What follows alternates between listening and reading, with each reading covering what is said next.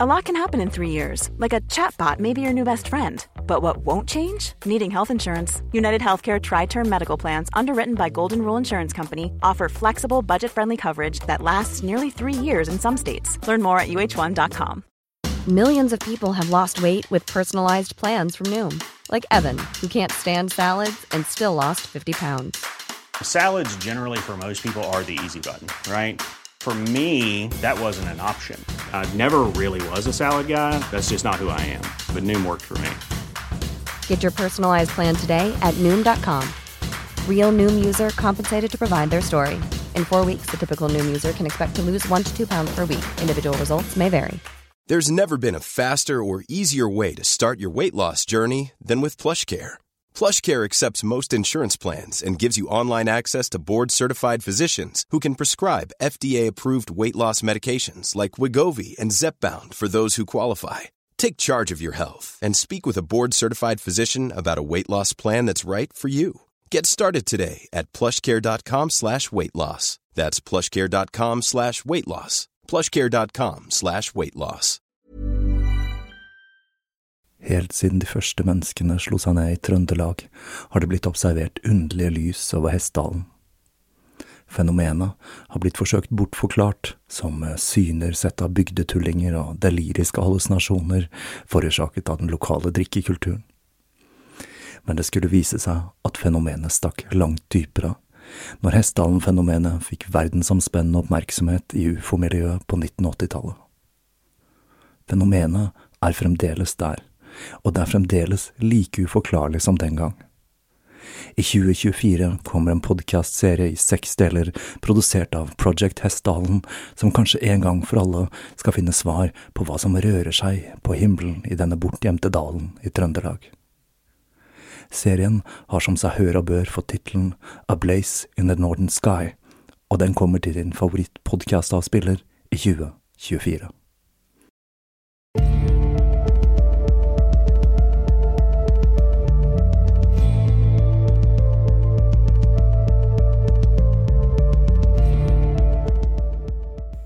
Hei og velkommen til Tåkeprat. Jeg heter Even, og når jeg tar opp denne episode 221, er det torsdag den 22. juni 2023. Den siste etappen fram mot sommerferien er et hardkjør på barneskoler, med barn som er klare for alt annet enn det å være på skolen, og også det med å tilrettelegge for neste skoleår. For min del så har det gått slag i slag med avslutninger for barn og avslutninger for voksne. Og akkurat nå så går jeg litt på sparebluss, og jeg tror jeg kun klarer å stå oppreist av et stødig inntak av kaffe og Red Bull. Egentlig så skulle jeg være med på en avslutning i dag også, men nå måtte jeg sette ned foten slik at jeg fikk tatt opp denne episoden. For nå, kjære lyttere, er vi kommet til den siste delen i hva som har blitt en ekstremt omfattende serie om Marquis de Sade. Når jeg startet på denne serien, hadde jeg ikke forestilt meg at jeg skulle bruke så mye tid og krefter på denne småperverse franskmannen, men sånn er det nå engang blitt. Og da tror jeg vi bare hopper rett i det. Her har dere den siste delen i serien om Marquis de. Sade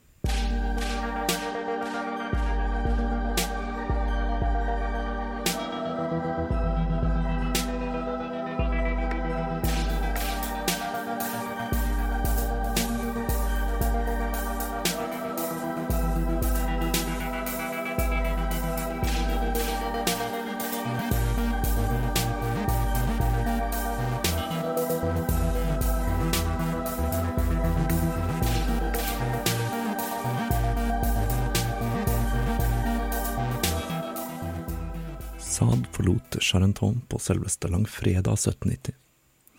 Han var nesten 50 år gammel, og han var svært bitter over å ha mistet så mange av manuskriptene sine.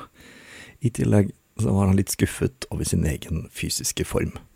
Til Goffridi skrev han at han var blitt så korpulent at han knapt klarte å bevege seg. Verden han hadde kjent til, var borte, og han var nødt til å forsøke å tilpasse seg en ny virkelighet om han skulle overleve og som vanlig var det mest presserende penger. Han forsøkte å få kontakt med René i klosteret hun bodde i, men hun forsto godt at det var penger han var ute etter, og hun nektet å snakke med ham. Saad på sin side begynte å skylde på kirken, som om det var den som var skyld i at René hadde søkt om separasjon. Hun hadde jo fått flere av manuskriptene til Saad, men hun nektet å gi dem til ham, da hun var redd at de kunne forårsake mer skade enn nytte. Og Saad klaget over at René hadde overlatt manuskriptene til personer som hadde valgt å destruere dem når de leste innholdet. Men det bitreste av alt var tapet av mesterverket hans, Sodomas 120 dager. For Saad visste jo ikke at denne boka faktisk skulle overleve, og bli hans mest kjente og mest beryktede verk. Saad måtte altså klare å hugge seg ut en nisje i det nye revolusjonære Frankrike, og han startet med det han kunne best, nemlig kvinner og teater. Til tross for at han klaget over at alle manuskriptene hans var blitt borte, hadde han flere teaterstykker han forsøkte å få satt opp for å tjene en slant på dem, og for å få til det, så sjarmerte han diverse skuespillerinner. Saad hevdet selv at dette kun dreide seg om platoniske forhold, og at han hadde fått en bedre moral etter alle årene i fengsel, men det er lite sannsynlig at sexlivet til Saad hadde endret seg vesentlig. Men det var jo ett område der han rett og slett ikke hadde råd til å skeie ut lenger, for siden han var blakk, hadde han slett ikke råd til kurtisaner eller leiligheter til møter med prostituerte. Men det var altså ikke av fri vilje, men rett og slett fordi han hadde dårlig råd. Saad registrerte seg hos de nye myndighetene som Louis Saad, og det var slik han identifiserte seg når han kom til Place de Vendôme, som var den mest radikale delen av Paris, og arnestedet for Robespierre, mannen som blir regnet som Frankrike, eh, Frankrikes leder under perioden 1793–94, som også er kjent som skrekkveldet. Dette var altså ikke en hyggelig tid i Frankrikes historie, for å si det mildt. Sade gjorde det han kunne for å få innpass blant folka til Robespierre, og fortalte villig om hvordan han hadde sittet fengslet i Bastillen under det forhatte lettre de cachet, og han lærte seg raskt den nye revolusjonære sjargongen.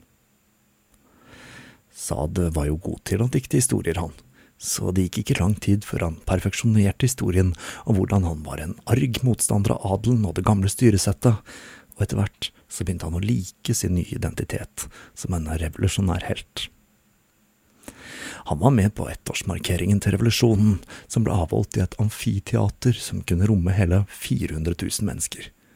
Og han var nok litt bekymret for at det kunne bli tumulter der, men utrolig nok så gikk det bra. Det var kun én som døde, og to som ble skadet når kanonene skulle salutere, og Saad bemerket at alle hendelsene var kun uhell. Sommeren 1790 var Saad i gang igjen for fullt. Hans nye venninne og husherr, Madame de Floriot, hjalp han med å arrangere lesninger av manus og introduserte ham for betydningsfulle skuespillere. Men sa han hadde litt problemer med å få gjennom manusene sine, da selv de tammeste av skuespillene hans var litt det drøyeste laget for folk flest. I august 1790 skulle Saad møte enda en av disse kvinnene som skulle spille en svært viktig rolle i livet hans.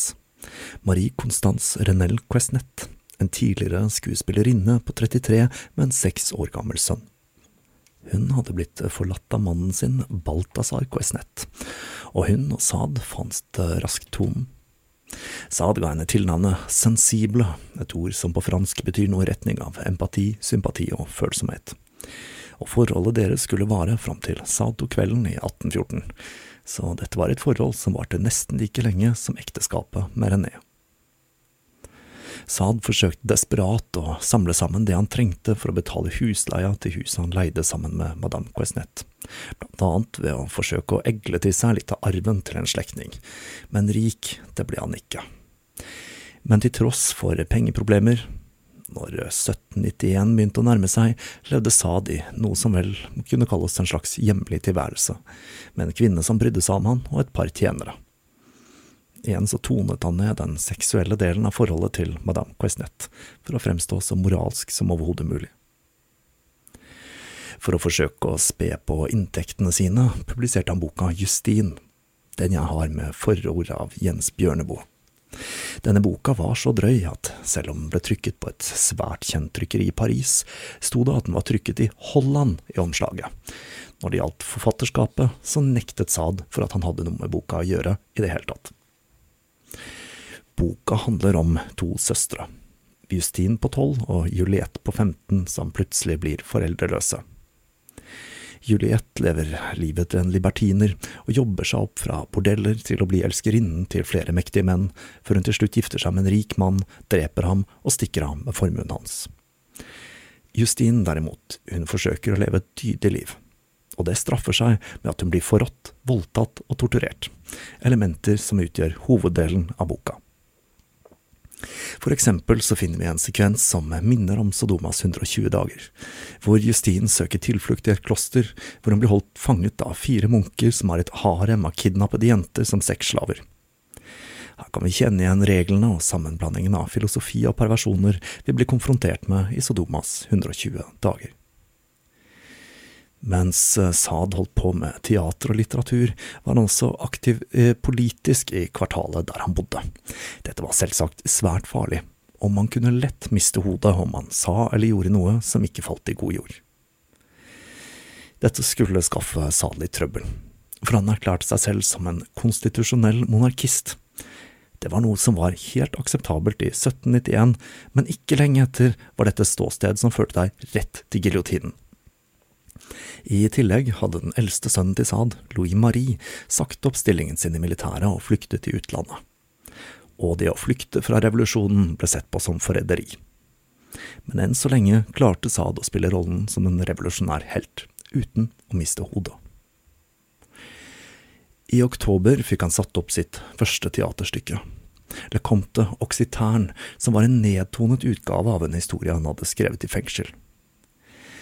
Denne fikk en litt lunken mottagelse, men Saad var i ekstase over endelig å ha fått satt opp et stykke. Han var svært stolt og så rosenrødt på tilværelsen. Men når stykket ble satt opp for andre gang, ble det baluba. Til tross for at det var noen kritikere som mente stykket var interessant, var det flere blant publikum som begynte med buing og tilrop, og det gjorde at teatret bestemte seg for å ta stykket av plakaten. Teater på denne tiden var ikke akkurat som å se Knerten på Oslo Nye, for å si det sånn. Det var ikke uvanlig at det ble voldelige opptøyer, noe det skulle bli når Saad satte opp et nytt stykke, en komedie, året etter. I tillegg til å måtte bite i det sure eplet i teaterverdenen, fikk Saad seg enda et slag når han fikk vite at alle fortifikasjonene til Lacoste, vil si muren han hadde bygget når han kidnappet disse ungdommene, ble revet dette til tross for at han hevdet å være på revolusjonens side. Det var vold i luften, og Sads gamle sparringspartner Golfridi hadde blitt en aktiv figur i den antirevolusjonære, rojalistiske bevegelsen. I august 1792 krevde det nye styret at Ludvig den 16. skulle gå av, og for å unngå blodsutgytelse sa han seg villig til det, men det hjalp ikke. Mobben gikk bananas og drepte livgarden og tjenerne hans. Likene ble kledd nakne, vansiret og hengt opp i borggården til skrekk og advarsel, mens slottet ble plyndret for alt av verdi. Slektningen til Saad, comte Stanislas de Clermont-Tonnerre, ble også brutalt myrdet av mobben. Han var politisk moderat og en tilhenger av den engelske formen for konstitusjonelt monarki, men det var tydeligvis ikke godt nok, for han ble dratt ut av huset sitt, hvorpå han forsøkte å forsvare sitt politiske ståsted i en tale. Men menneskemengden ville ikke høre på den talen, og han rømte. Til slutt ble han fanget og kastet ut av et vindu i andre etasje. Liket hans ble skjendet før det ble dratt gjennom gatene, og til slutt ble det vist fram til kona hans, som besvimte på stedet. Og ting ble bare verre. Mot slutten av august ble den nyeste oppfinnelsen til doktor Giljotin satt opp på plass til karusell, hvor den første beskyldt for å være rojalist mistet hodet til dette nye apparatet. Giljotinen gjorde jobben med massehenrettelser svært så effektiv. Og i september begynte den såkalte septembermassakren, hvor aristokrater og personer mistenkt for å være aristokrater ble henrettet av mass. Mer enn tusen mennesker måtte bøte med livet i løpet av fire dager, og mange av dem var barn. En av dem som måtte bøte med livet den dagen, var dronningens venninne, prinsessen av Lamball. Hodet hennes ble paradert på en stake foran kongen og dronningen, og liket hennes ble dratt gjennom gaten i åtte timer. Brystene og vulvaen hennes ble skåret av, og den sistnevnte ble brukt som løsbart av han som hadde skåret den av. Altså, her snakker vi gale, Mathias. Saad skrev kanskje brutale bøker, men det var tross alt bare fiksjon. Vi må vel kunne si at eh, samtiden hans speilet noe av galskapen i litteraturen hans. I september 1792, i et hav av blod, ble Frankrike erklært en republikk, og bølgen fra revolusjonen skyllet over resten av Europa. I Provence ble slott etter slott plyndret og brent av revolusjonære, og det skulle ikke gå bedre med Lacoste. Mobben som plyndret hovedsetet til Saad-familien, hadde til og med revet løs gulvplankene og taket. Saad på sin side støttet de mest ekstreme av de ekstreme revolusjonære sikkert med håp om at det vil gi han en viss grad av beskyttelse. Han sa at vi må, vi må beskytte den friheten som bare kan oppnås med en flodbølge av blod, og han erklærte at han elsket folket, og at alle, uansett sosial status, burde ha stemmerett. Hver dag jobbet han som vakt for de revolusjonære i kvartalet han bodde i. I begynnelsen av 1793 ble Saad forfremmet til kommissær for helse og velferd i kvartalet sitt, og mandag den 21. januar 1793 ble Ludvig den 16. ført fram til giljotinen. Hodet hans ble skilt fra kroppen klokka 10.22, og det ble holdt opp foran menneskemengden til en ellevill jubel. Det var ikke så lett å ikke bli anklaget under revolusjonen, og så klarte ikke å holde seg unna de nye myndighetenes søkelys lenger enn til slutten av 1793. Søndag morgen den 8. desember banket det på døra i hans nye hjem. Han ble arrestert under den nyinnførte mistenktloven, en lov som hadde blitt innført under skrekkveldet, og det å bli arrestert under den loven var så godt som en garantert dødsstraff. Hjemmet hans ble ransaket, og arbeidsværelset og soverommet ble forseglet med voks. Han ble ført til Madelonette, en bygning som tidligere hadde vært et kloster for bortkomne jenter og reformerte prostituerte. Under revolusjonen var dette blitt til et overfylt fengsel, og selv om Saad var godt vant til å sitte i fengsel, hadde ikke årene bak murene forberedt ham på hvor grusomt det var å sitte fengslet i det revolusjonære Frankrike. Det gjorde heller ikke saken bedre at ingen kunne fortelle ham hva han var fengslet for. Han fikk ikke vite hva han var anklaget for før i mars, og da ble han servert et skikkelig lappeteppe av en anklage. De hvem enn og de som sto bak anklagen var, hadde funnet ut hvem Saad faktisk var, og han ble omtalt som en umoralsk mann som ikke var egnet for samfunnet. I tillegg var han anklaget for å ha forsøkt å bruke posisjonen sin til å skaffe sønnene sine stillinger i hæren. Det sistnevnte, det var sant, mens den første delen av anklagen var basert på ryktene som florerte om Marquis de Sade som den nye kong Blåskjegg før revolusjonen. Men det er én ting som er sikkert, og det er at eh, det var noen høyt oppe i det revolusjonære systemet som hadde lyst til å kvitte seg med Sade. Og det kan faktisk tenkes at det var Robespierre selv.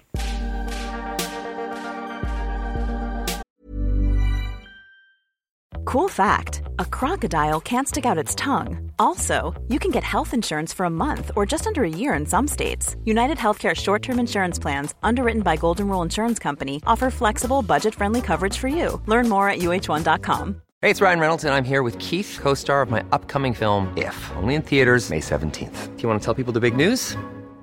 All right, I'll do it. Sign up now and you'll get unlimited for $15 a month in six months of Paramount Plus Essential Plan on us. Mintmobile.com slash switch. Upfront payment of $45 equivalent to $15 per month. Unlimited over 40 gigabytes per month. Face lower speeds. Videos at 480p. Active Mint customers by 531.24 get six months of Paramount Plus Essential Plan. Auto renews after six months. Offer ends May 31st, 2024. Separate Paramount Plus registration required. Terms and conditions apply if rated PG.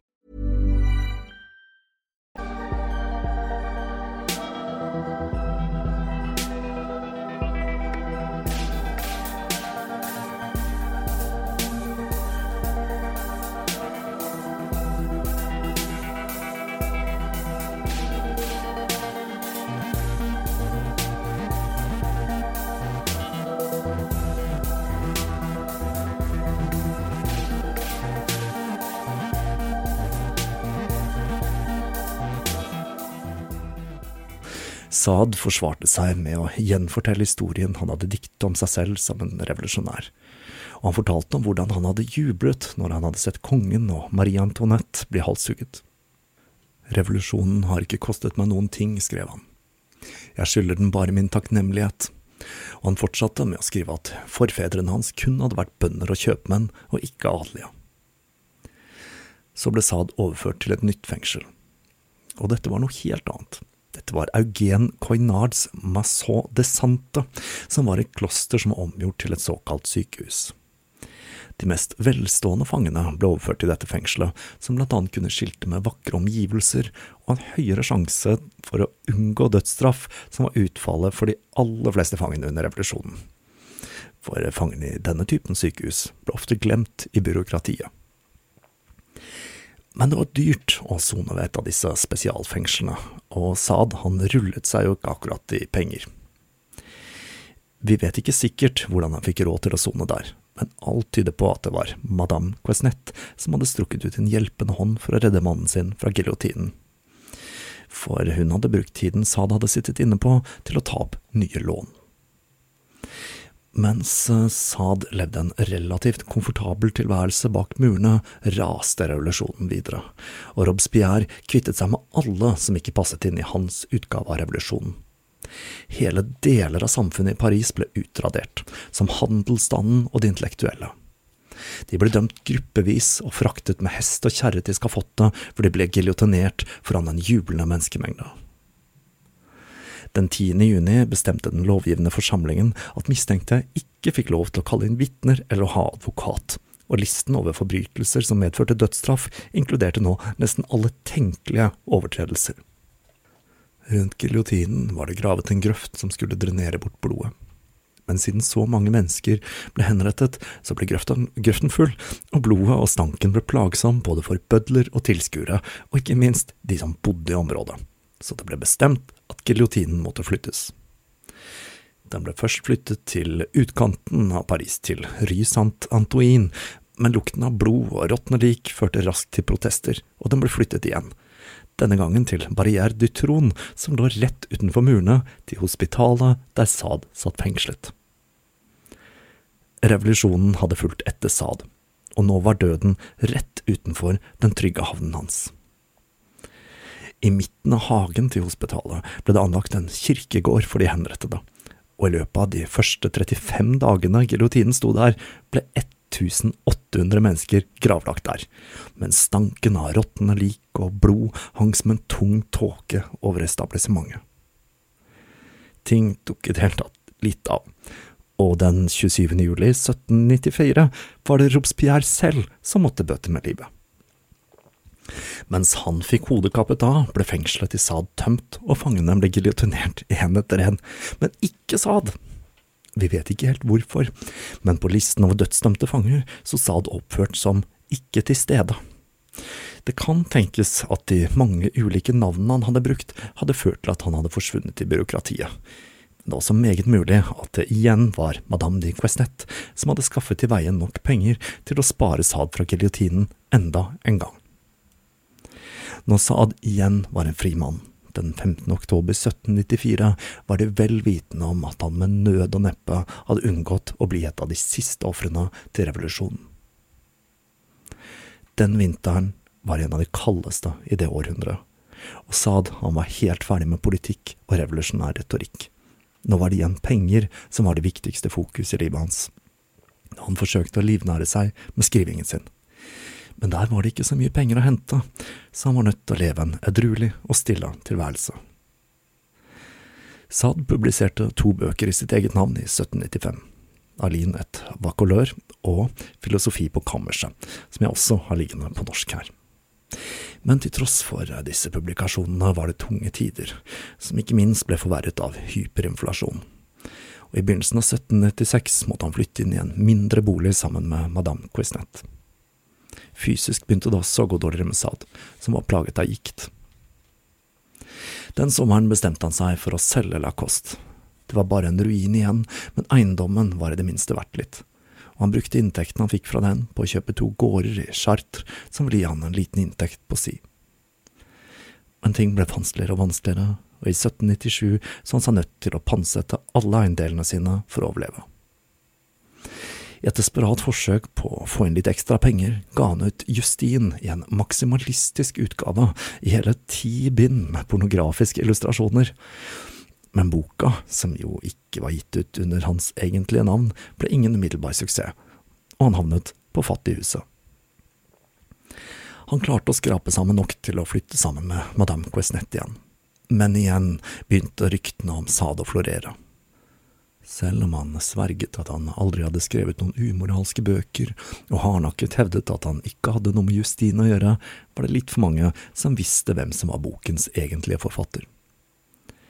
Fredag den 6. mars 1801 raidet politiinspektør Dubois trykkeriet til Sad, når han visste at forfatteren av Justine var der. Saad ble arrestert, og de dro hjem til ham og konfiskerte materialet som ble ansett for å være oppskjønt, inkludert illustrasjoner fra Justin og erotiske statuetter.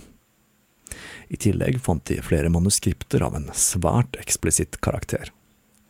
Saad nektet for at han var forfatteren, selv om de var i hans håndskrift. Han forklarte at han bare hadde kopiert dem for en kunde, men han kunne ikke fortelle politiet hvem denne kunden var. Saad ble fengslet i Sant Pelagi, hvor han skulle sitte i to år uten noen god forklaring på hvorfor han var blitt fengslet.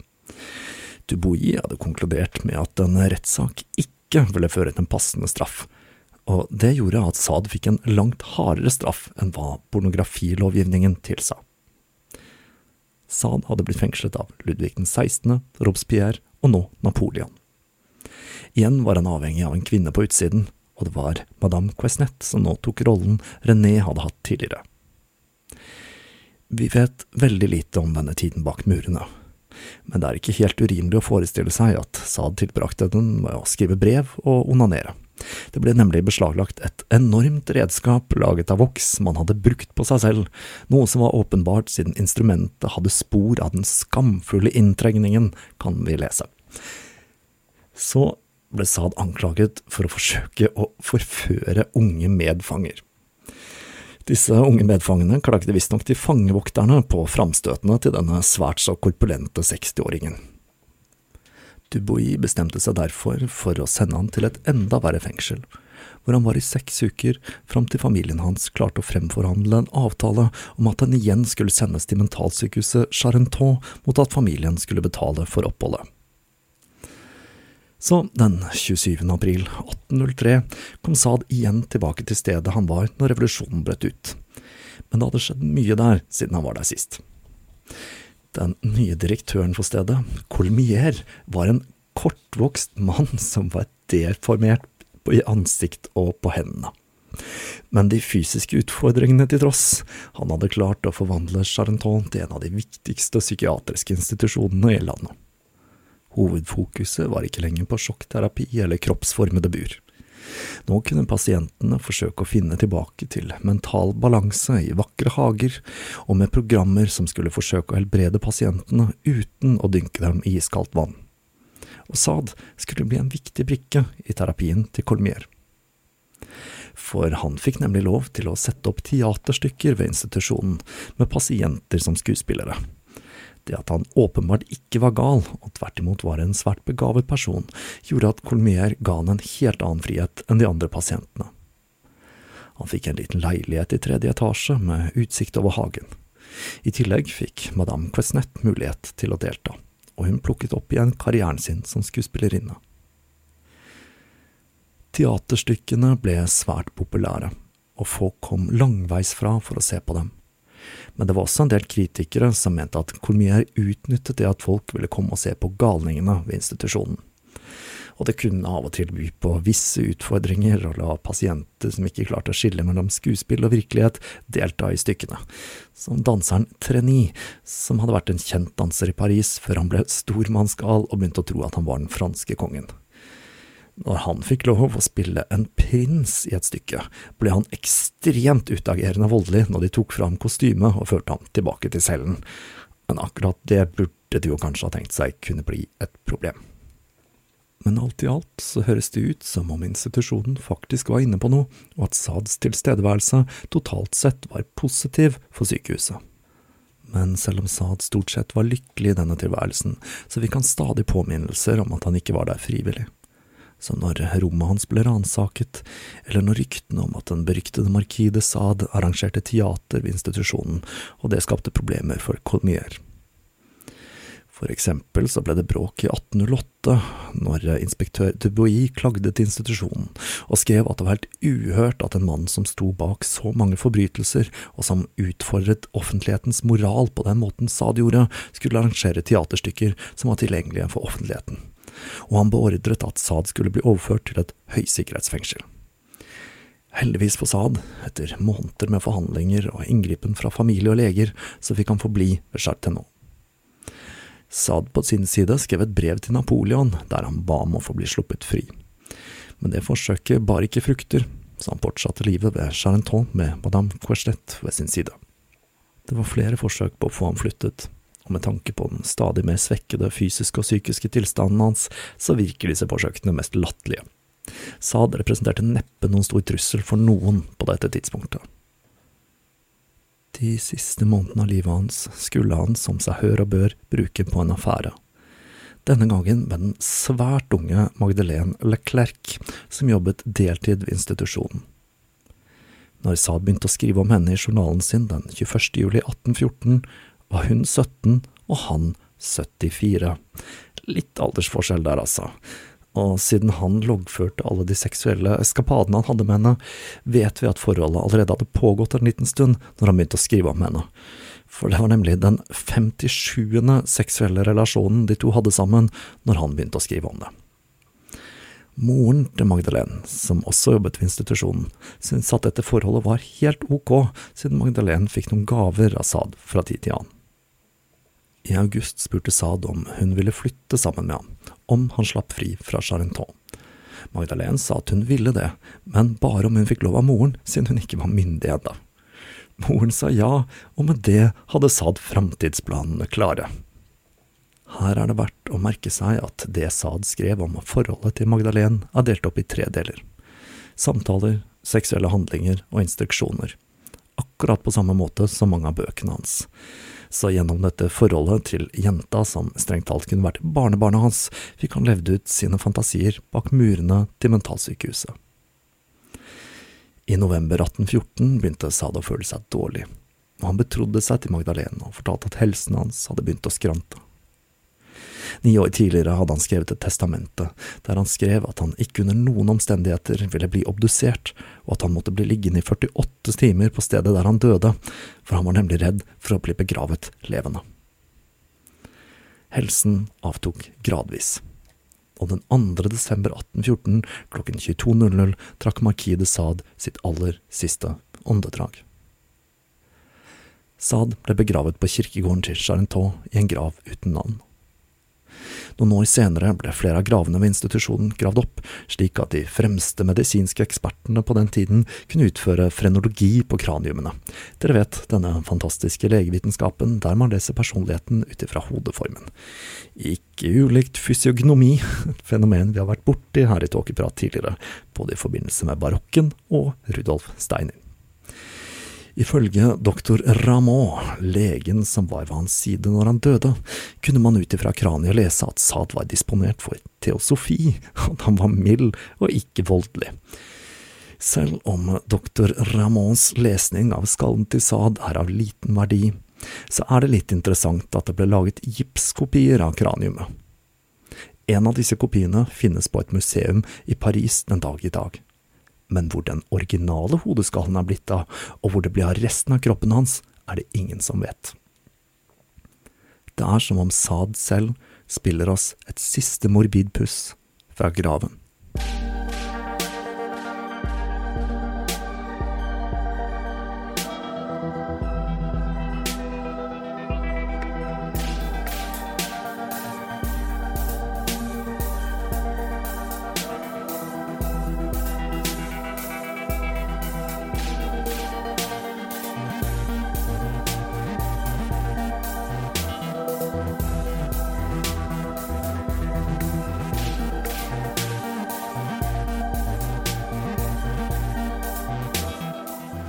Og det var det.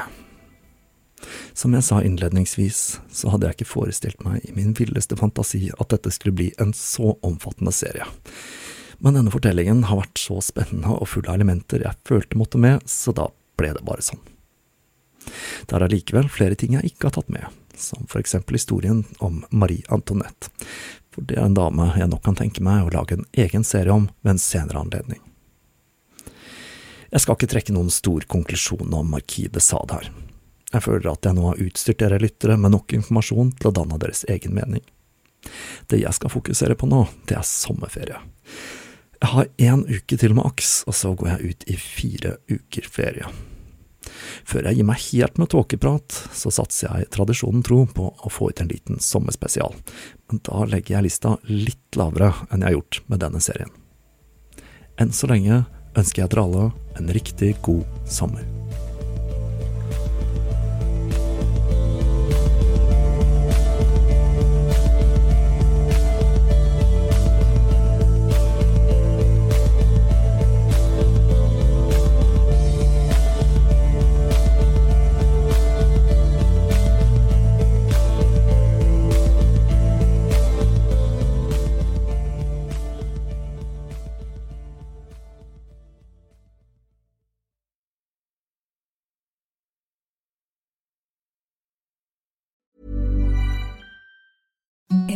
The softest sheets you've ever felt. Now imagine them getting even softer over time. That's what you'll feel with Bowl and Branch's organic cotton sheets. In a recent customer survey, 96% replied that Bowl and Branch sheets get softer with every wash. Start getting your best night's sleep in these sheets that get softer and softer for years to come. Try their sheets with a 30-night guarantee. Plus, get 15% off your first order at bowlandbranch.com. Code BUTTERY. Exclusions apply. See site for details. Planning for your next trip?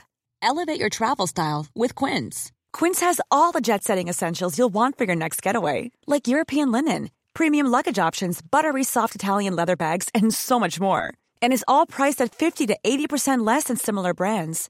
Plus, Quince only works with factories that use safe and ethical manufacturing practices. Pack your bags with high-quality essentials you'll be wearing for vacations to come with Quince. Go to quince.com slash pack for free shipping and 365-day returns. Planning for your next trip? Elevate your travel style with Quince. Quince has all the jet-setting essentials you'll want for your next getaway, like European linen, premium luggage options, buttery soft Italian leather bags, and so much more. And is all priced at 50 to 80% less than similar brands. Plus, Quince only works with factories that use safe and ethical manufacturing practices. Pack your bags with high-quality essentials you'll be wearing for vacations to come with Quince. Go to quince.com slash pack for free shipping and 365-day returns.